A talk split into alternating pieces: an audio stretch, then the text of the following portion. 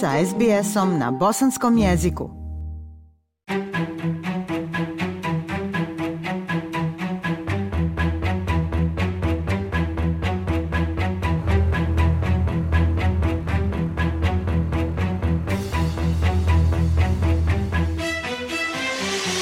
Slušate SBS program na bosanskom.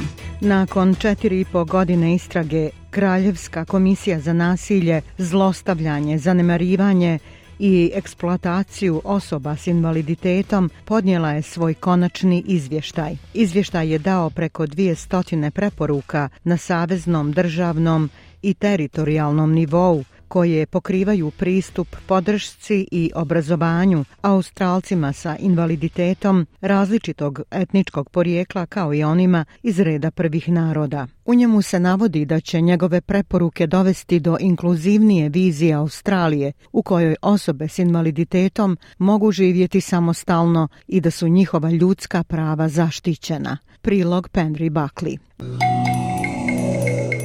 Nakon četiri godine saslušanja i svjedočenja koje je dalo skoro 10.000 australaca u javnim svjedočenjima, pismenim podnescima i privatnim sjednicama, Kraljevska komisija za invalidne osobe podnijela je svoj konačni izvještaj prvi od 13 tomova, ukupno preko 5000 stranica, objavljen je u petak 29. septembra, pružajući sažetak 222 preporuke komisije. Za zagovornike osoba s invaliditetom koji su dali iskaz pred komisijom, poput Caroline Fromada, izvršne direktorice organizacije Women with Disabilities Australia, bio je to dan pomješanih emocija you know, I need time to digest everything.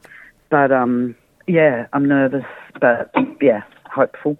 Moram sve da svarim. Nervozna sam, ali se nadam. Um, Sada kada je konačni izvještaj izašao, na neki način naš posao tek počinje, jer moramo um, osigurati da se preporuke uh, implementiraju. Ne želimo da ovo bude uh, izvještaj Kraljevske komisije koji nikuda ne vodi. U izvještaju se priznaje visok nivo nasilja i zlostavljanja, zanemarivanja i eksploatacije koje doživljavaju osobe koje žive s invaliditetom u Australiji, te izvještaj poziva na značajne promjene. Među ključnim reformama koje izvještaj predlaže su uspostavljanje novog zakona o pravima osoba sa invaliditetom i zaštita od omalovažavanja, kao i poboljšan kulturološki sigurni pristup podršci osobama sa invaliditetom za ljude iz prvih naroda i australce različitog etničkog porijekla. Izvršni direktor organizacije First People's Disability Network, Damian Griffiths, koji je također svjedočio komisiji, kaže da je angažman komisije s ljudima iz prvih naroda bio, navodimo, snažan. We often say it's difficult to think of any more disadvantaged Australians than First Nations people with disability and we've been Često kažemo da je teško zamisliti bilo koga u nepovoljnijem položaju od ljudi sa invaliditetom iz prvih naroda. I veoma dugo smo razmišljali o tome kakvi mogu biti odgovori politike, kakvi mogu biti odgovori službi, a imati tu priliku svakako je bilo od pomoći. Imali smo snažan angažman s komisijom i sa određenim brojem povjerenika, a ohrabrila nas je i činjenica da je povjerenik Andrew Mason pripadnik prvih naroda naroda. Od 222 preporuke koje je dalo sedam povjerenika, 99 se odnosi samo na Commonwealth, 67 zajednički na državu teritoriju i Commonwealth, a 55 se odnosi na pojedinačne države i teritorije. Ministrica za socijalne službe Amanda Rishford odgovorila je na izvještaj priznavanjem prošlih propusta i obećanjem da će uspostaviti novu radnu grupu Kraljevske komisije za invalidne osobe Commonwealtha. The message of this report is clear. We do need to do better. Poruka ovog izvještaja je jasna.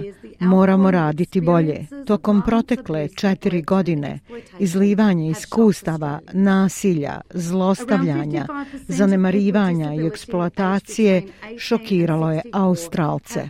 Oko 55 osoba s invaliditetom u dobi između 18 i 64 godine bili su fizički ili seksualno zlostavljani od svoje 15. godine. To je znatno više nego kod odraslih osoba osoba bez invaliditeta u toj starosnoj grupi. Ali naravno, ovo nisu samo statistike, to su iskustva stvarnih ljudi. Od 2019. godine saslušanja Kraljevske komisije osoba s invaliditetom iznijela su na vidjelo potresne priče o zanemarivanju i maltretiranju. Gospođa Fromada kaže da je za mnoge žene koje je njena organizacija Women with Disabilities Australia podržala dok su svjedočile o traumatskim događajima, osjetile olakšanje kada je istraga završena. Women who'd been in institutional settings their entire life.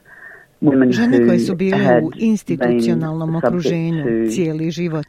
Ženama koje su, na primjer, bile podvrgnute prisilnoj kontracepciji 45 godina. Rekli su im da je to injekcija protiv gripe. Mi smo olakšali ženama u tim vrstama okruženja. Znate, u pitanju su eksplicitne, vrlo slikovite stvari, priče o seksualnom nasilju tokom života, a opet apsolutno bez ikakvog pristupa pravdi, jer su imale intelektualni invaliditet. Komisija je svim srcem posvećena razumijevanju intersekcionalnosti i slušanju perspektiva kulturološki raznolikih australaca. Intersekcionalnost je priznanje da svako ima svoja jedinstvena iskustva, diskriminacije i ugnjetavanja i mora se uzeti u obzir sve i svašta što može marginalizirati ljude, kao što su spol, rasa, klasa, seksualna orijentacija, fizička sposobnost i tako dalje. Također se čulo o jedinstvenoj marginalizaciji s kojom se suočavaju osobe iz prvih naroda s invaliditetom te o poteškoćama u pristupu podršci u udaljenim zajednicama.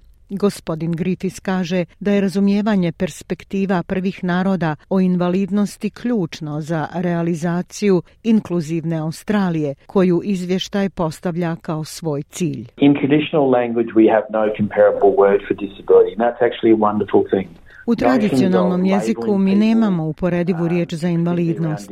To je zapravo divna stvar. Ideje o etiketiranju ljudi, posebno u vezi sa invaliditetom, to je zapadnjački konstrukt. Mi smo uvijek bili zajednica koja je takva kakva jeste i imamo dokaze o mnogo hiljada godina da su ljudi iz prvih naroda s invaliditetom bili cijenjeni članovi svoje zajednice. Mi zapravo kažemo da smo misaoni lideri u inkluziji i želimo da to iskustvo i to znanje podijelimo s ostatkom Australije. Komisija je pozvala vladu da dostavi pisani odgovor na njihove preporuke do marta sljedeće godine. Ministar za nacionalno invalidsko osiguranje Bill Shorten branio je vladu od kritika da ne djeluje dovoljno brzo da zaštiti osobe s invaliditetom od daljnje štete. Ova kraljevska komisija je zaista historijski trenutak i podsjeća Australce da je previše ljudi s invaliditetom izloženo nasilju, zlostavljanju, eksploataciji, zanemarivanju i isključenju. Potrebno je vrijeme i mislim da bi to učinilo medvjeđu uslugu za 9000 priča o korištenju novca poreskih obveznika o teškom radu Kraljevske komisije ako bismo jednostavno brzo reagovali, odgovorili u vrlo kratkom vremenu i to je apsolutno ono što je ministrica Rišvort rekla da rad neće učiniti.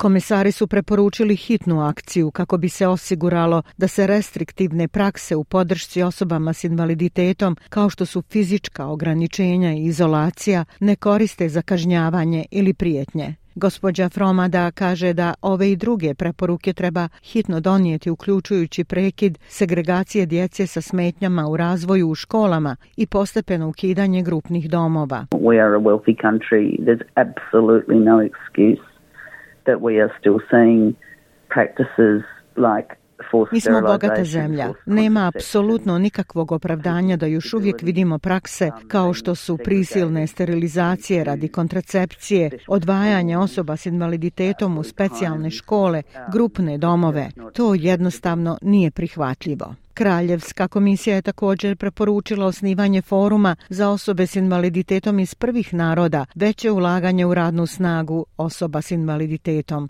iz prvih naroda. Nakon više od četiri godine saslušanja, za koja mnogi kažu da su kasnila decenijama, gospodin Griffiths kaže da za osobe sa invaliditetom iz prvih naroda ove promjene ne mogu doći dovoljno brzo.